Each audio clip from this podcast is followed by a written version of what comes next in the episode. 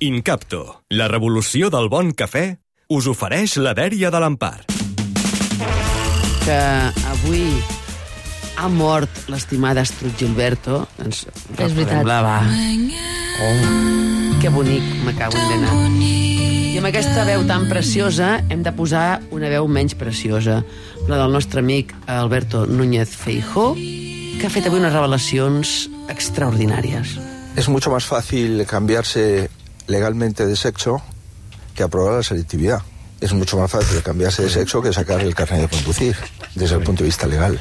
Simplemente hay que ir al registro civil y plantearlo. Decir, no, yo a partir de mañana soy una señora, o a partir de mañana soy un señor. En fi. Veus? Està molt... Escolteu la dèria perquè de seguida us demanaré començar la tertúlia amb això, eh?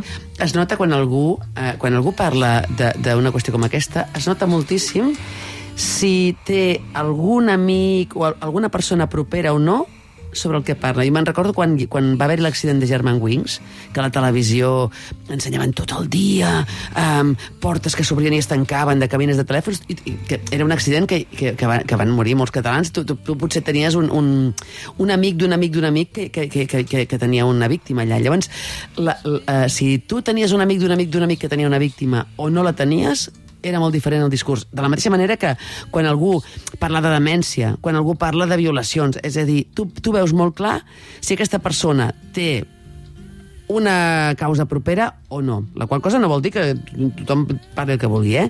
Dos, és veritat que pot ser més fàcil treure's el carnet legalment que canviar de sexe però també és més fàcil matar, conduir borratxo o comprar vots. És a dir, no, no té mm, una especial rellevància que sigui una cosa més fàcil o una altra. Tres, quan Feijó diu això, sap a qui ofendrà. Eh, ell peca de cunyadisme, que és, que és la, que diguéssim que és la dreta, i ofendrà el tietisme, que és l'esquerra. Cunyadisme versus tietisme. Crec que aquí estem. El tietisme, que és d'esquerres, diferencia entre el particular i el general. Accepto que els nens es canviïn de sexe si, són els, si no són els meus, diria jo. Això és humà, i a la dreta també li passa. 5.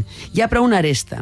Si no volem parlar de si els nens, de si els menors s'han de poder canviar de sexe o no, perquè no és rellevant, perquè no és un debat interessat, perquè tal, perquè estem equivocant el debat, llavors li estem oferint, li estem emplatant el debat a Feijó. 6. Recordem que l'escola el nen que manifesta voler aquest canvi rep aplaudiments i se li diu valent.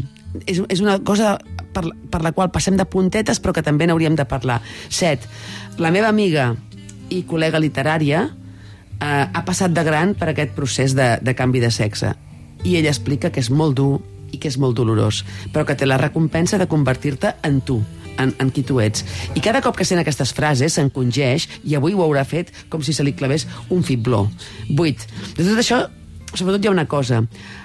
Me'n recordo el dia de l'estrena de la cubana, que hi havia la Dolly Bandol, que és la fundadora de Belle Époque, avui l'U de Gas, no? I vam xerrar una estona dels nous temps.